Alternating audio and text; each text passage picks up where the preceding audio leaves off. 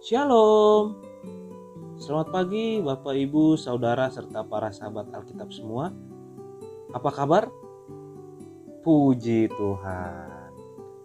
Kita harus tetap antusias ya walaupun sedang berada di dalam masa sulit. Oke, izinkan saya pada pagi hari ini untuk membawakan renungan yang terambil dari Kolose pasal 2 ayat 18 dan pasal 4 ayat 6.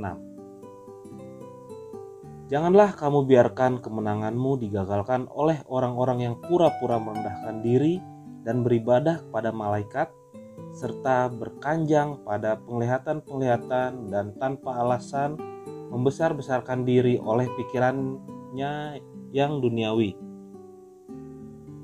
Hendaklah kata-katamu senantiasa penuh kasih, jangan hambar, sehingga kamu tahu bagaimana kamu harus memberi jawaban kepada setiap orang Demikian pembacaan Alkitab.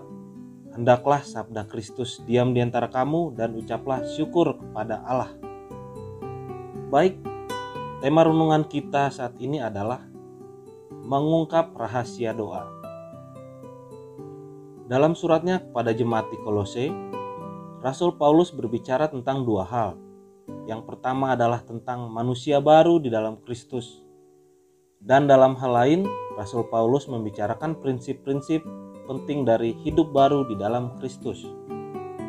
Dia menekankan agar prinsip-prinsip itu dipraktekkan lebih dahulu dalam kehidupan berkeluarga yang mencakup hubungan istri dan suami, ayah dan anak, dan hamba dan tuan. Istri diperintahkan untuk tunduk kepada suami sebagaimana seharusnya di dalam Tuhan Suami diperintahkan untuk mengasihi istri dan tidak berlaku kasar. Anak diperintahkan untuk mentaati orang tua dalam segala hal. Hamba diperintahkan untuk menaati tuannya serta bekerja dengan tulus dan sungguh-sungguh seperti bekerja untuk Tuhan dengan rasa hormat. Seorang tuan diperintahkan untuk berlaku adil dan jujur terhadap hambanya. Bagian kedua dalam suratnya, Rasul Paulus mengingatkan akan pentingnya berdoa.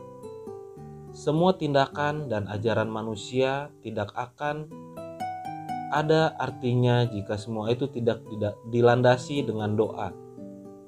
Sebab di dalam doa ada rahasia-rahasia Allah yang tersembunyi yang akan diungkapkan kepada umatnya.